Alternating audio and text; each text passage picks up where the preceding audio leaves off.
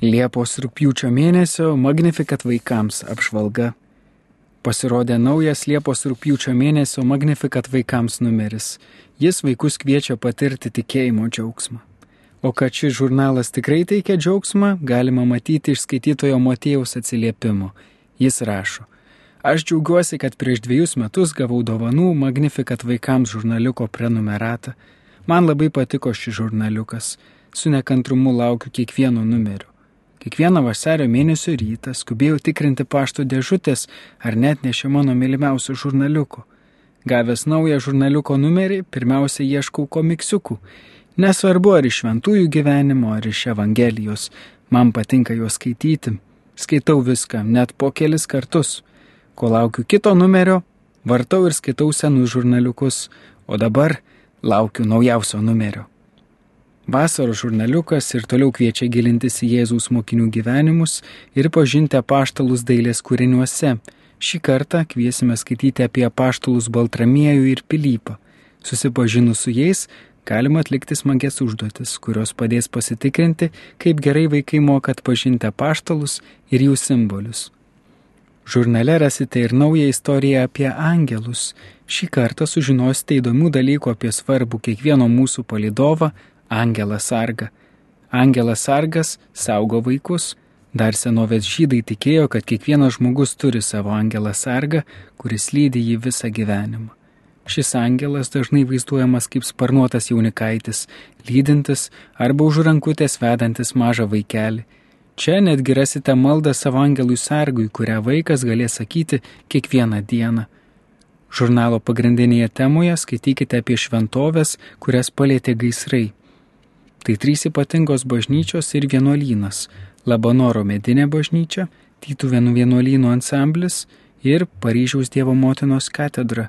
Nelaimės ir netektis ištikus gaisrui ne tik labai nuliūdina, bet ir atveria įvairių galimybių kūrybai, suvienyje žmonės bendram tikslui.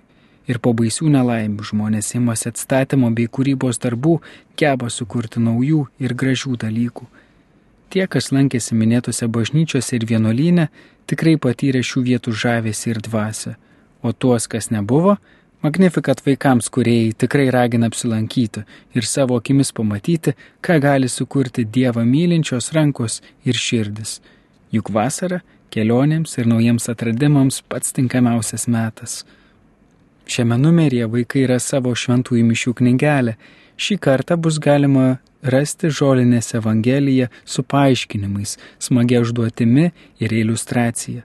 Taip pat galės susipažinti su liturginiais gestais, supras, ką reiškia šventųjų mišių metu stovėti, sėdėti, atsiklaupti, palinkti į priekį. Visą tai padės suvokti, kas gyvyksta šventųjų mišių metu. Tikriausiai nekantriai laukite romano Naujieji ūkininkai tesinio, kaip Milui sekasi naujoje mokykloje. Ar jam ten patinka? kodėl ši mokykla taip skiriasi nuo senosios. Nauji nuotikiai nepaliks abejingų. Šiame numeryje rasite keletą smagių užduotėlių iš knygelės Mato nuotikiai kariuomenėje. Ja išleido Lietuvos krašto apsaugos ministerija. Čia galėsite nuspalvinti visų 30 NATO valstybių vėliavas, ieškoti skirtumų tarp bunkerių, nuspalvinti karį ir taip sužinoti, kas sudarė Lietuvos didžiosios kunigaikštystės kario aprangą ir ginkluotę. Be abejo, kiekvienas numeris yra lydimas įdomių susitikimų ir pokalbių. Šį kartą kviečiame susipažinti su nuostabe Neringos ir Tomo šeima, kurioje auga keturi vaikai. Jie dalinasi savo maldos šeimoje patirtimi. Štai kaip gražiai klausimą, kodėl jai svarbi malda, atsako devyniarių metų dukra Barbora. Nes melzdamasi galiu Dievui už viską padėkoti ir paprašyti dalykų, nes Dievas yra visagalis. Šį kartą vaikai kviečiami susipažinti su šventaja Kotryna Tekakvita. Kaip visada, siūloma išsikirpti šventosios paveikslėlį ir dėti kartu su kitais paveikslėliais į savo šventųjų knygelę. Na ir be abejonės, komiksai, koks žurnalas vaikams be jų. Komiksai šventojo rašto tema padės vaikams giliau suprasti Dievo žodį. O šį kartą kviečiama susipažinti su istorija apie paklydusią velę. Magnificat vaikams skirtas 7-12 metų vaikams, tai puikus pagalbininkas šventosiuose mišiuose ir tikėjimo kelyje. Jį galite užsiprenumeruoti arba jo ieškoti www.magnificat.lt. Žurnaliko Magnificat vaikams apžvalgą parengė žurnaliko redakcija.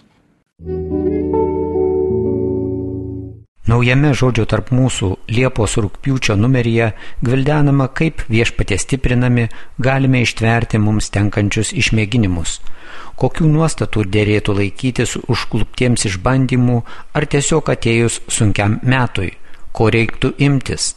Ne vienas žmogus neišvengs išmėginimų, Tai gali būti paprasčiausi iššūkiai darbe, sunkumai šeimoje, pašlyjusi sveikata, nepritekliai, artimųjų netektys, avarijos, gamtos stichijų sukeltos nelaimės ar karai.